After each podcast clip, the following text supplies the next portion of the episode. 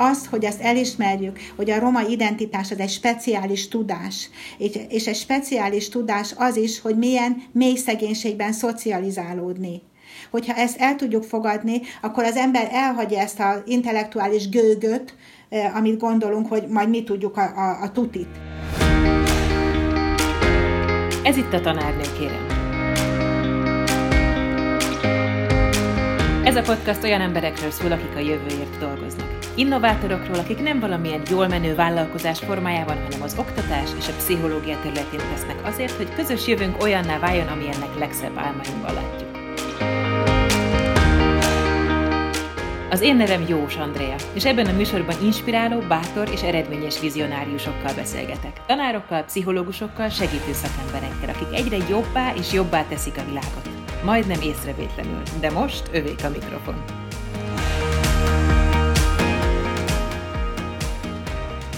Eheti vendégem díjainak, elismeréseinek és média megjelenéseinek száma elképesztően magas, ő mégsem ebben méri a sikert, és valóban ezeknek az értéke igazából teljesen eltörpül, amellett a munka mellett, amit végez. A mély szegénységben élőkkel foglalkozik, és tíz év alatt alapozódott meg, és folyamatosan fejlődik az a módszertan, ami ma az Igaz Gyöngy Alapítványé. Az iskola mellett először kriziskezelést, majd családgondozást és szociális munkát is folyamatosan végeznek. Az alapítvány vezetője Elritók Nóra. Üdvözöllek a műsorban. Szia, köszönöm szépen a lehetőséget. Hát én is köszönöm, hogy, hogy a vendégem vagy. Van egy idézet, amit nagyon szeretek tőled, amit több interjúban is olvastam, hogy a következő generációért dolgozunk, de a mostanival. Mesélsz erről bővebben? Hát igen, a, a problémában elmélyülve folyamatosan bővült az a megtapasztalás, hogy miért nem működnek a, a mm, korábban erre a, a, az egész problémára irányuló állami kezdeményezések, és azt láttuk, vagy az a, az a megtapasztalás volt ebben a legfontosabb, hogyha az egész probléma halmazból mindig kiveszünk valamit, egyet, ami, amire hatást kívánunk gyakorolni, és nem uh-huh. foglalkozunk az összes többivel, ami a problémában még megtalálható, akkor ott a hatás leamortizálódik. Nyilván komplexen gondolkozó beavatkozásról igen, beszélsz Igen, most. és nyilván uh-huh. pedagógusként mi ugye a gyerekekre fókuszálunk, de tudomásul kell venni, hogy az iskola hatása legyen az bármilyen pozitív és bármilyen jó, abban a közegben, amiben ezek a gyerekek élnek, a családban, a közösségben, a lakhatási szegénységben leamortizálódik. Uh-huh. És hogyha nem foglalkozunk a felnőtt, a szülői, nagyszülői generációval, akik egyébként ugyanúgy nem kaptak az oktatási rendszertől belőle elég muníciót ahhoz, hogy más életstratégiát tudjanak felépíteni maguknak, akkor ők gyakorlatilag ellenére dolgoznak azzal a szocializációval, a, a folyamatnak, amit mi változásként az iskola rendszerben óhajtunk. Uh-huh. És ezért van az, hogy azt gondoljuk, hogy egy generáción keresztül legalább a felnőtteknél is be kell pótolni mindazt, ami nekik elmaradt, és természetesen a gyerekeknek is meg kell adni azokat az új lehetőségeket, lehetőségeket, amivel elmozdulhatnak, és ezért mondjuk azt, hogy a jövő generációért, tehát a gyerekek generációjáért dolgozunk, de muszáj a mostanival, hogy legyen egy olyan háttér, amiből a gyerekek, amin a gyerekek megvethetik a lábukat, és amitől sikeresebben indulhatnak el azon az úton, amit mi szeretnénk. Uh-huh. Ez neked személyesen így mai szóval mondva, mikor esett le? Hogy, hogy nem elég az, hogy az iskolában dolgozunk, hanem hogy hú, itt mélyebbre kell nyúlni, és milyen érzés volt számodra, amikor így összeállt a kép, hogy hoppá, akkor itt talán kicsit máshogyan kell hozzányúlni a problémához. Hát tíz év, ugye az alapítványt én 99-ben alapítottam, Igen. és azért tíz évig az a, az a naiv felismerés élt bennem, hogy a, amit tanultam is, hogy a jó iskola akár 50%-ot is képes lefaragni a szocializáció okozta a hátrányokból, igen. És aztán a, ahogy a, a mm, sikeres gyerekekkel a pályázatok révén a családokkal szorosabb kapcsolatba kerültünk, és láttuk azt, hogy miben élnek, és tudtuk már követni azokat az életutakat, hogy, hogy mi lesz a tehetséges első másodikban kifejezetten jól tanuló gyerekből mondjuk hetedik, nyolcadikra, uh-huh. akkor azt láttuk, hogy igazából változás ezeknek a gyerekeknek az életében nem következik be.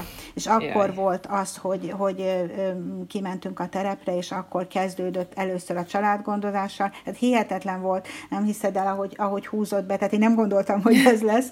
Ez, ez ilyen lépésről lépésre húzott be bennünket. Ugye először az embert megütötte az a kép, amit a, a gyerekek lakókörnyezetében, a családban uh-huh. látott, és rögtön világossá vált sok minden, amit az iskolában esetleg a gyerek reakcióiból nem úgy értettünk, vagy nem értettünk, vagy nem úgy értettünk, ahogy azt, azt ők tudták behozni az egész életükkel. Uh-huh. És aztán utána a, a családsegítés hozta azt, hogy azt is kezdtük látni, hogy közösség nélkül, közösségi szabályok nélkül nem lehet jól segíteni a családoknak. Meg kellett ismerkedni a tanult tehetetlenség fogalmával. Ú, várjál, itt, itt megállítalak akkor. Igen, tehát hogy ezt fejtsük ki egy kicsit a tanult tehetetlenséget, mert roppantúl fontos. Nagyon sokan a, a segítő szervezetek közül is azt gondolják ma is, hogy ha valakinek szüksége van valamire, valaki, valami, valaki hiány szenved valamiben, pláne ha a gyerek szenvedi ezt el, és ezt tap, megtapasztaljuk, akkor itt segíteni kell. Ha nincs cipője, cipőt kell vinni, ha nincs ruhája, ruhát kell vinni, ha nem tud enni, akkor ennivalót kell vinni. És az elején ezt mi is teljesen teljes medbedobással vittük, és álltunk bele ebbe, és akkor azt kezdtük el látni, hogy a, a, a, az útkeresés, a kiútkeresés nem abba az irányba fog elmozdulni, hogy, hogy hogyan lehetne önerőből változtatni az életükön, hanem azt erősítjük meg bennük, hogy kérjenek, és ha nem kapnak, akkor még hangosabban kérjenek, és ha tőlünk nem kérnek, akkor kérnek mástól, uh-huh. és azt kellett, hogy lássuk, pláne amikor a közösségi média is bejött ebbe az egész történetbe, hogy vannak családok, akik a túlélés is, vannak felnőttek, akik a túlélési stratégiájukat ebben építették föl. És itt nem, hogy mondjam, olyan emberekről beszélünk, akik fogyatékosak, ők pontosan tudják ezt a stratégiát nagyon jól csinálni, pontosan tudják, hogy mit kell mondani ahhoz, hogy megnyíljanak azok az érző szívek, amik utána nekik segítséget adnak. Tehát a, gyakorlatilag a kreativitás elkezd egy olyan irányba mozogni, ami nem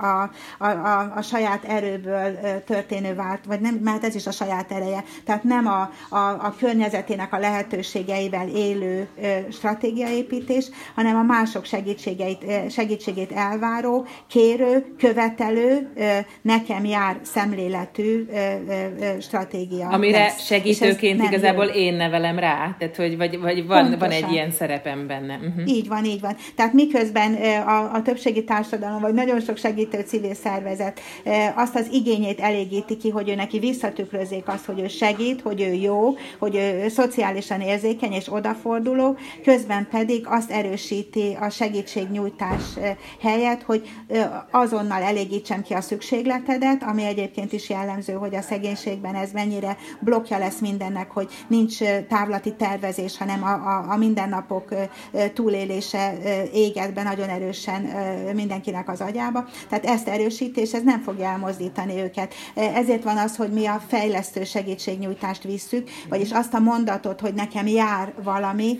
mert szegény vagyok, azt elfelejtjük, és azt nézzük meg, hogy ki mit tud a saját környezetében, a saját adottságaival hozzátenni ahhoz, hogy biztosabb legyen a, a masztói hierarchia szükséglet szerint az az alsó szint, vagyis tudjon enni adni, fűteni, világítani, biztonságban tudja nevelni a gyerekeit, ez az érzés meg legyen. Mert lehet ehhez uh-huh. hozzátenni, de ehhez lehetőségek kellenek. Persze ezt olyan könnyű kimondani, hogy, hogy akkor nem jár semmi, mert Igen. rögtön ott van egy helyzet, hogy azt látjuk, ugye utalnék arra, amit az első etapban mondtam, hogy, hogy a felnőtteknek is hiányoznak a készségei, uh-huh. többek között a pénzügyi tudatosság, a tervezés képessége, ami teljesen levezethető abból, hogy hogyan élnek generációk óta, vagy milyen, milyen stratégiákat építenek föl. Na most, hogyha a felnőtteknél ez világosan látszik, akkor, akkor látnunk kell, hogyha lehetőséget adunk, és olyan szabályokat próbálunk meg kialakítani, amiben ők is érzik, hogy, hogy ezzel a lehetőséggel élni uh-huh. akkor ezt a, ezt a dolgot, hogy nekünk jár, ezt elfelejthetjük, hanem lehetőségek vannak, amit ki lehet használni, csak aktívnak kell lenni, gondolkodni kell, és ehhez adunk segítséget mi elsősorban. Uh-huh. És azért nehéz ezt kimondani, mert ugye a szülői kompetenciák hiányát látjuk, ugyanakkor, ha mondjuk a gyerek beteg, és a gyógyszerre van szüksége, akkor nem büntetheted azzal, hogy most nem segítesz, mert egyébként a szüleid meg nem hajlandók tenni a sorsukért, mert csak kérnek, mert csak kérnek, mert pontosan látod, hogy a gyerek egészségi helyzetében, állapotában, fejlődésében gondok lesznek, ha nem segítesz. Tehát ezt úgy kimondani nagyon ez könnyű, könnyű, de azért igen. a valóságban lejátszani, ez nagyon sok mérlegelés, morális kérdés, hogy hol, hol kell meghúzni azt a határt, amikor azt mondjuk, hogy nem segítünk, hogy lehet ezt a közösség fele a segítségnyújtásokat, a rendkívüli segítségnyújtásokat úgy, úgy közvetíteni, úgy megmagyarázni, hogy a számukra is mhm. érthető legyen. Szóval nagyon-nagyon nehéz munka, de ez alatt a tíz év alatt, most már majdnem 11 év alatt, amióta ebben a modellben dolgozunk, azt gondolom, hogy ki tudtuk alakítani ezt a, mi így mondjuk, hogy a helyi igazságosság rendszerét. Aha Aha, amit el tudnak fogadni, igen. és ezt most már azért be tudtuk emeltetni. Jelzem, nem ment egyszerűen, tehát azért itt a, a nagyon komoly konfliktusok voltak, főleg az elején. Nagyon komoly elhatárolódások, megtámadások is, akár úgy, hogy a rendőrség segítségét is wow. igénybe kellett venni, hiszen az igazság az ez az igazságosság, ez azért különféle képen értelmezendő, és mindenkinek a saját problémájának a megoldása igazságos, Igen. és a másiké nem igazságos. Tehát, hogy azok a szolidaritási történetek, azok már azokat, amiket gondolunk a szegénységről, azok nincsenek meg. Itt kőkemény túlélés van, és ebbe kell valahogy valami reményt, valami, valami kiutat próbálni mutatni, valami fényt felvillantani, amihez érdemes kapcsolódni nekik is, és akkor ez következett következetesen tartani, és azt segíteni, hogy képesek legyenek. Képesek. Tehát érted? Nem Igen. azt segíteni, hogy éhes vagyok, és adj ennem, hanem azt segíteni, hogy képes legyél arra, hogy magadnak teremts annyi jövedelmet, hogy tudj enni belőle. Azt a kreativitást abba az irányba becsatornázni, amiből aztán önfenntartóan is előre tud lépni a saját életében, és képesnek is érzi magát. Igen, ezt abszolút értem. Az interjúnak ezen a pontján szeretnék bejátszani egy egy rövid megszólalást, méghozzá Kovácsné pap Orsolyától, aki tanítványod és kollégád, és aki egy nagyon röviden mesél arról, hogy milyennek lát téged. Hát ha egy szót kellene mondanom, akkor talán az, hogy ő egy csoda. Úgyhogy minden téren, akár emberként a munkájában, 12 éves kora óta ismerem a Nórit, és hát közel 20 éve vagyok mellette, és az egész hosszú folyamat az, amit mi együtt töltöttünk, és azt gondolom, a mi kapcsolatunk az nagyon bizalmas, és ő egy ilyen, nekem egy ilyen anyám helyett anyám, ha lehet ilyet mondani. Úgyhogy én őt nagyon-nagyon szeretem. Mondom, ő egy, egy csoda, nem, nem tudok rá mit mondani, csak ennyit egy szó, és ebben minden benne van. Nos, idáig a bejátszás. Első reakció, Hát zavarba, zavarba ejtő. Nyilván annak ellenére, hogy, hogy azt mondom, hogy tény, az a csoda, hogy, tehát, hogy, hogy ilyen embereket sikerül magam mellé hoznom.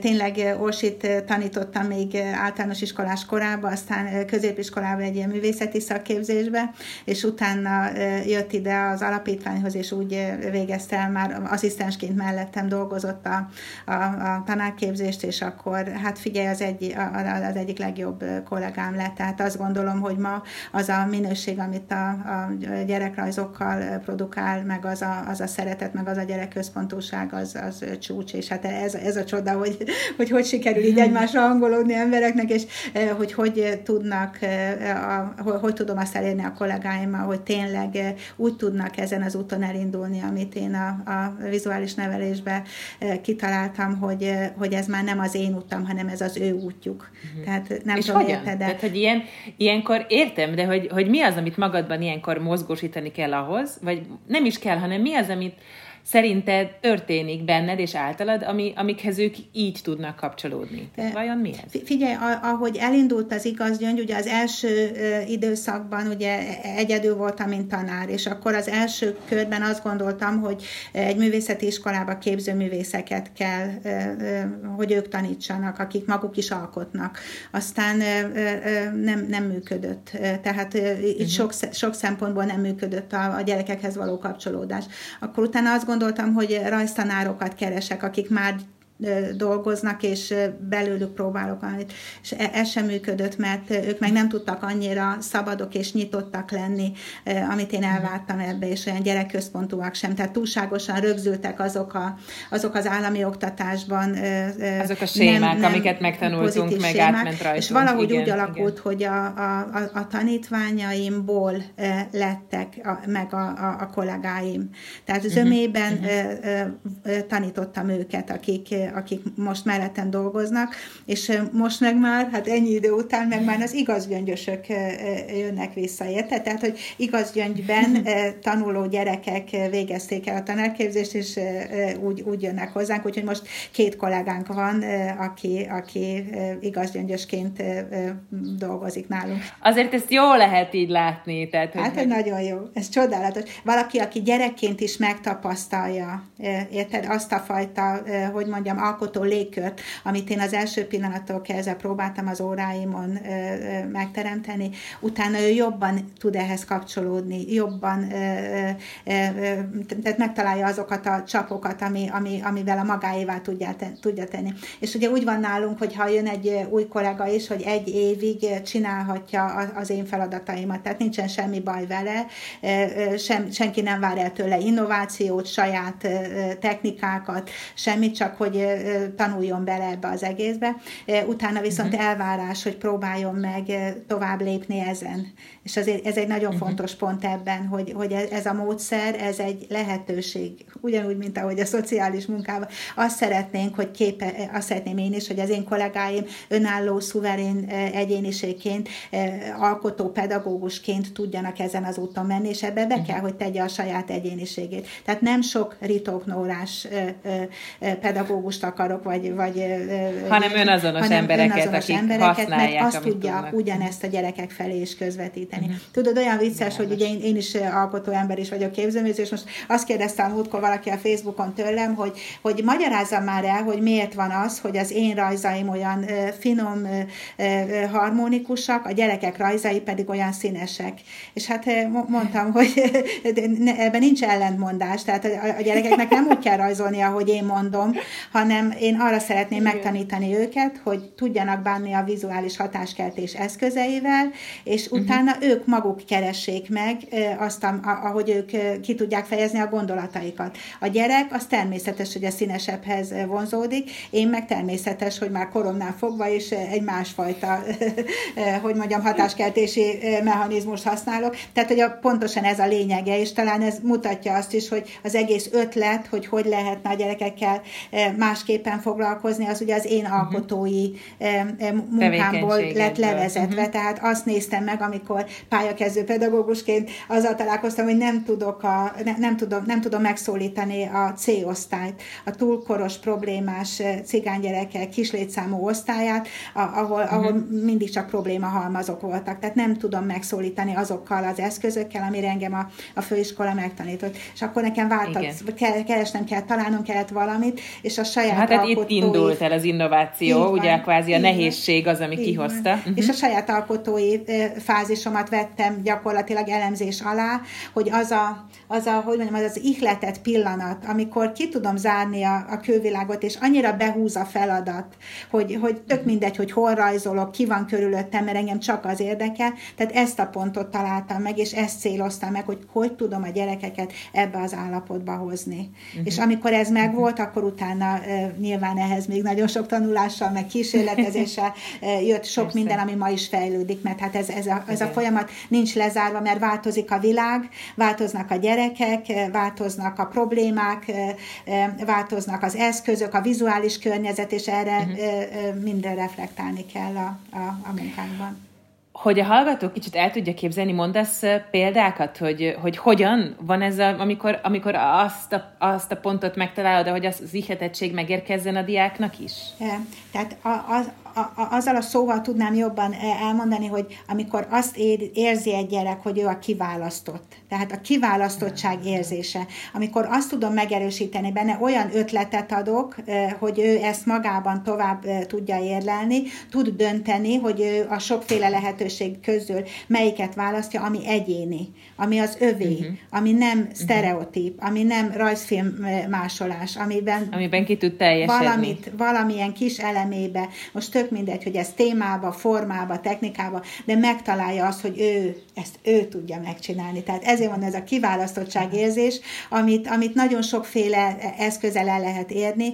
Igen. Nyilván azoknál a gyerekeknél, akik hátrányjal érkeznek hozzánk, azoknál ugye az első dolog az, hogy a finom motorikát, vagy a technikát tudjuk úgy megtanítani nekik, hogy ez az aha élmény, hogy úristen, ezt én uh-huh. csináltam, tehát, hogy ez az én munkám, ez az én kezem alól kerül, hogy ezt átéljék, és akkor ebbe a pozitív érzésben már nagyon könnyű becsatornázni sok minden mást. És pontosan, uh-huh. az is nagyon fontos, hogy pontosan úgy adagolja az ember a, a feladatot, hogy az ne legyen túl sok, tehát mindig adjon sikerélményt, de azért ne legyen egy olyan, amit na hát én ezt megcsináltam, mert az meg nem, hogy erőfeszítést is igényeljen. Tehát ez egy ezt fontos. is ismételd meg, hogy úgy kell adagolni, ezt mondd el még egyszer, úgy kell adagolni, csak hogy így megérkezzen a hallgatónak. Tehát úgy kell adagolni, hogy pontosan, hogy fejlesztő is legyen, a feladat, tehát a, a, a képességeihez mérten erőfeszítést igényeljen, de biztos legyek abban, hogy sikerélményt igen, is ad. Ez egy nagyon finom határ, igen, és ezt tehát, érezni ha olyat kell. adok neki, amik kudarccal szembesíti, és ez sokszor ismétlem a kudarcot, akkor az, a, ugye az az én hatékonyság érzés fog csökkenni. Azt mondja, hogy uh-huh. úgysem tudom megugrani azt a szintet. Ugye ezt nagyon sokszor a, az iskola rendszer azért húz egy vonalat, és akkor a tiéd nem ért el. Ugyanakkor ebbe a tevékenységbe azért nagyon-nagyon nagy az a skála, amin lehet így mozogni, hogy erőfeszítést is kelljen tenned érted, de a sikerélményed is meglegyen. És ez uh-huh. az, amit tud a vizuális nevelés, és és nem, nem akarok semmilyen más tantárgyat bántani, mert biztos vagyok... Nem, nem, én biológia tanár vagyok, de nem érzem magam bántva, szóval ne aggódj. Mindenhol el lehet ezt érni. Én is tanítottam Persze. földrajzot, és hogyha feltetően abba ásom bele magam, akkor abban is megtaláltam volna, de hogy a rajzban ez, ez nagyon könnyen elérhető, ebbe teljesen mhm. biztos vagyok. Igen, hát én is elkezdtem rajzolni, ugye én emberi szerveket rajzolok, magyar népi motivumokkal, tehát teljesen függője vagyok az alkotási folyamatnak, úgyhogy, úgyhogy én ezt abszolút át tudom érezni. Itt a, a kudarc bejött a témánkba, és most megint egy személyes kérdést tennék föl, hogy amikor ugye elég nagy utat jártál, meg még mindig jársz is be, és, és amikor kudarc ér, akkor, akkor hogyan tanultál meg azzal dolgozni, vagy hogy érzed magad először, vagy hogy érezted magad régen, és mit csinálsz most? Hát figyelj, ez egy megint egy nagy csoda, hogy Orsit idézem, hogy valahogy a, a, a kiégés faktort azt, azt sikerült így az igazgyöngyben minimalizálni.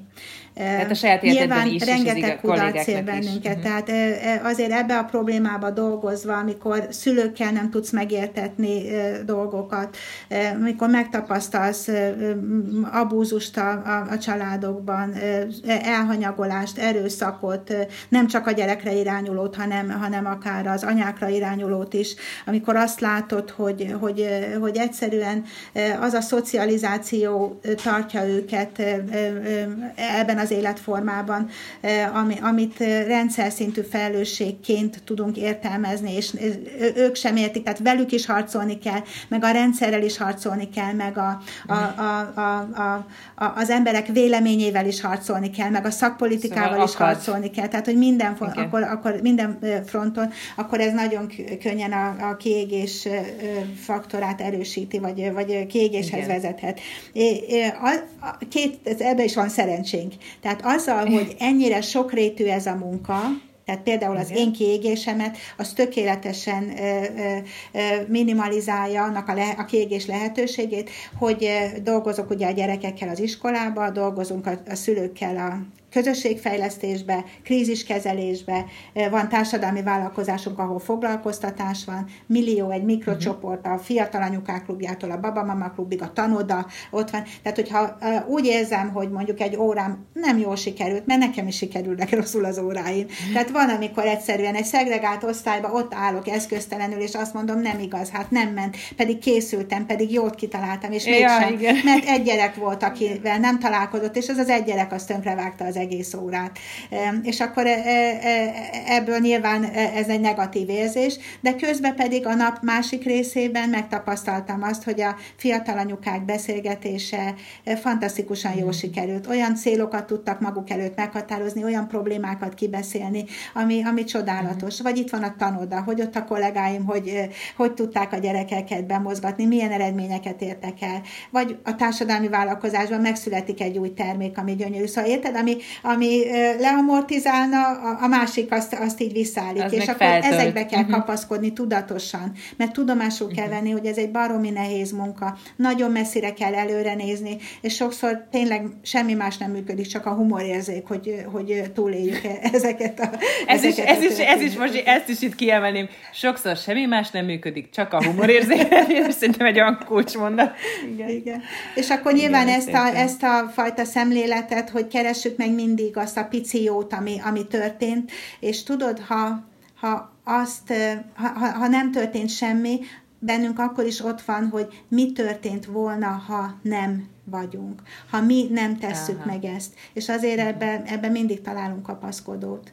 És ez ezt, a, ezt akarom munka, munkaformának is, vagy szemléletnek a csapatban is megerősíteni, hogy, hogy érteni kell, hogy miért olyanok, és nem feladni, mert nekünk nagyon távlati és nagyon erős célunk van segíteni ezen a generációs szegénységen. Ezen a szálon még tovább fogunk menni, hogy, hogy miért olyanok, meg hogy az emberi jóság az hogyan is van, mert ez, nagyon, ez is szintén sokszor visszajön a veled készült interjúkban. Viszont most egy kollégádat is meghallgatjuk, Örök Zitát, aki elmondja, hogy mit gondol rólad, és illetve hogy milyen veled dolgozni. Hát talán egy reneszánsz személyiséghez hasonlítanám, aki mindig azon agyal, hogy jobbá tegyen bizonyos dolgokat. Tehát, hogy megvan benne az a késztetés, hogy az újítása, jobbítása, a, a, és talán ebbe is a mások segítése, ami legfőképpen vezérli, akár az oktatás, akár a szociális munka, tehát tulajdonképpen az élet minden szegmensében. 19 éve dolgozok vele együtt, és eleinte volt közöttünk nézeteltérés abba, vagy véleménykülönbség, inkább így fogalmaznék, hogy melyik a fontosabb, hogy egy baráti viszonyba, tehát ő azt vallotta, hogy legyen egy baráti viszony a munkatársak között, és attól jól fog menni a munka. Én meg azt mondtam, hogy tudjunk jól együtt dolgozni, és hogy ha barátságok alakulnak ki, vagy elmélyülnek ezek a kapcsolatok, akkor ennek tudjunk örülni, és ne, ne ez legyen az első, de így sok-sok év után azt gondolom, hogy meggyőzött róla, hogy igenis fontos, és talán még ez a fontosabb, hogy tudjunk összenevetni, tudjunk együtt beszélgetni, és ez jellemző a mi munkánkra, a mi munkakapcsolatunkra. Nos, eddig a bejátszás. Reakció? Hát igen, igen, ez a, ez örülök, hogy ezt mondta, ezt nekem még nem mondta az itt. Nagyon örülök, hogy most elhangzott. Hát az egy alapmondata a, ebben a csapatban, aki a fejlesztést végzi, és most teljesen mindegy, hogy szociális munkásról beszélek, vagy pedagógusról, hogy nagyon fontos, hogy jól érezzük magunkat. Tehát ha, ha mi nem pozitívan egymást támogatva vagyunk jelen a munkahelyünkön, ha, ha nem tudjuk letenni azt a gondcsomagot, amit egyébként mindenki hoz magával, hiszen senkinek nem egyszerű most az élete, akkor, akkor, akkor nem tudjuk ezt a pozitív érzést megfelelően sem a gyerekek felé, sem a, a, a generációs szegénységben élő családok felé közvetíteni. Tehát nagyon fontos, hogy, hogy minden eszközzel a, a távol távol tartsam ettől a csapattól a, a negatív dolgokat. Tehát ne támadjuk egymást. Azok a, tehát én pontosan látom, hát én, egyrészt, én is dolgoztam állami oktatásban, meg, meg millió egy iskolával, intézmények vagyunk most is kapcsolatban, és pontosan látom, hogy amikor, amikor belegyalogol az egyik, mondjuk pedagógus a másikba, vagy az igazgató belegyalogol a, a pedagógusba, megalázza, hogy ő ezt nem tudja letenni, ez beviszi a terembe, és utána ez a frusztráció, ami benne van, ez ráömlik a gyerekekre is, mert ideges lesz, mert, mert úgy érzi, hogy úgysem ismerik el a munkáját, úgyis a hibákat keresik benne, és ebből a mhm. viszonyulásból nem lehet pozitívan dolgozni. Uh-huh. Szóval nagyon, nagyon mély, nagyon mély az a, igen, nagyon mély az a, a, a, a, a mentális állapot, amiben nekünk segíteni kell. Tehát azok nagyon mélyen vannak, és hogyha mi nem stabilan vagyunk ebben jelen, akkor, akkor nem tudunk megfelelően hatni. Tehát ez nagyon fontos, és például ezért is egy olyan ö, ö, hosszú munka volt az, mert azért kerültek be hozzánk a, a támogatottak, támogatott kategóriából is munkatársak. Tehát, hogy uh-huh. problémák a magánéletben, az eladósodással, bármivel mindenkinek vannak ma. De hogy ezt le kell tenni, ezt a csomagot, ezt, ezt nem, nem hozhatja be ide, mert ha ide, tehát hogyha többet kell segítenem nekem a fejlesztést végző embereken, mint a fejlesztendő, a, a, aki a célcsoportunk, akkor én ezt nem fogom bírni. Tehát nekem nagyon fontos az, hogy egy mentálisan stabil ö, csapattal dolgozak, akik értik ezt az egész Hát ez folyamatot. egyébként combosan ö, feltételez önismereti munkát és, és mentálhigiénés, ö, olyan önreflexiót, ami azért ö, a tanulandó. Ezt nagyon kellene tanulni. Tudod, most, hát én ugye 60 éves vagyok az idén, és Isten éltessen. két-három éve kezdtem el azon dolgozni, hogy, hogy, hogy én el fogok menni nyugdíjba 65 évesen. Tehát én már kimondtam az évszámot is, el fogok menni 2025-be nyugdíjba, ami nem azt jelenti, hogy itt hagyom, mert nem bírom itt hagyni, hát ez az életem, hanem egy másfajta szerepbe szeretném felépíteni magam, ami, ami az iránytartásra, az elmúlt dolgoknak az elemzésére vonatkozik, mert nyilván nincs időm egy csomó mindent megírni, átgondolni, rendszerbe állítani a, a munka közben úgy, ahogy ez kellene, és ehhez nekem egy olyan, meg, meg azt akarom, hogy megéljem azt, hogy az igaz, hogy nélkülem is működik. Szóval mm, nagyon fontos, igen, hogy, hogy igen, ez, hogy ez megy ezért, tovább. Igen, ezért igen. mi belekezdtünk egy nagyon komoly szervezetfejlesztésbe, ami mm. nyilván szerkezetileg is más konstrukciót fog a végén fölállítani, mert hogy én az oktatási részt is gyakorlatilag az én szakmai munkámon, innovációimon alapul, a szociális rész ugyanígy, a társadalmi vállalkozás ugyanígy. Most nem tudok olyan embert, aki mind a három területben egyformán Ugyanúgy vinné, mint Tehát biztos, mm-hmm. hogy egy más másfajta konstrukció lesz majd a vezető személyét illetően is, de az nagyon fontos, hogy az a hét terület, ahol most hét ember dolgozik, az egy mondjuk így másodvezetői szinten, azok, azok úgy tudjanak együttműködni, és úgy tudják egymást támogatni, és olyan önismerettel rendelkezzenek, ami, ami hihetetlenül fontos ehhez a munkához. Úgyhogy most nagy keserves ilyen, hogy mondjam, ilyen tükörtartásokban is van részünk, segít nekünk egy cég, a, a, akikkel régen, régóta kapcsolatban vagyunk, egy coaching cég, a, Ven- a Venustus, ahol Mihály Andrea pszichológusként segít engem, hogy elengedjem lassan a dolgokat, mert az se egyszerű. Az se egyszerű, igen. És a kollégáimat pedig ahhoz, hogy, hogy fölkészüljenek arra, hogy felelősen a saját területüket, a saját képességeiket, a saját maguk alá rendelt embereket vigyék. Többek között ugye ilyen Zita, aki az iskolai résznek, a, ugye most ő igazgató helyettes ennek ennek a felelőse lesz, de ugyanígy a közösségfejlesztésben, társadalmi vállalkozásban, tanodában, adománygyűjtésben, kommunikációban mindenhol megvannak ezek uh-huh. a mhm. felelősök. Én remélem, hogy ez így működni fog, de annyira jó lenne, hogyha ez a vezetői coaching szemlélet, ez bemehetne az állami oktatásba. Tudod, teljesen más, más szemmel nézi a, az üzleti szféra a kollégákat, Abszolút, amikor igen. azt mondja, hogy olyan helyzetet szeretnék teremteni, hogy a legtöbbet hozzam ki belőlük. És ez, ez, a, ez a, hogy mondjam, ez a kreativitás értékelése, a kollégák helyzetbehozása, ez, ez most ellentmondásban van egy, azzal a vezetői szereppel, amit ma az iskoláktól elvár egyébként a, a rendszer. Ugye van egy másik mondás nálunk, hogy kreativitás csak ott van, ahol azt értékelik. Ó, de jó, Érted? ez is nagyon ez, jó. Ezt nem én találtam ki, szerintem valahol olvastam, de már elvesztettem, hogy hol, de hogy, hogy baromira fontos, hogyha vezetőként, eh, tehát én, én nem egy olyan, hogy egy vezető nem attól vezető, hogy ő tudja a legjobban. Uh-huh. Egy vezető attól vezető, hogy ki tudja a legjobbat hozni a kollégáiból és ettől lesz szerintem tekintélye, szakmai tekintélye.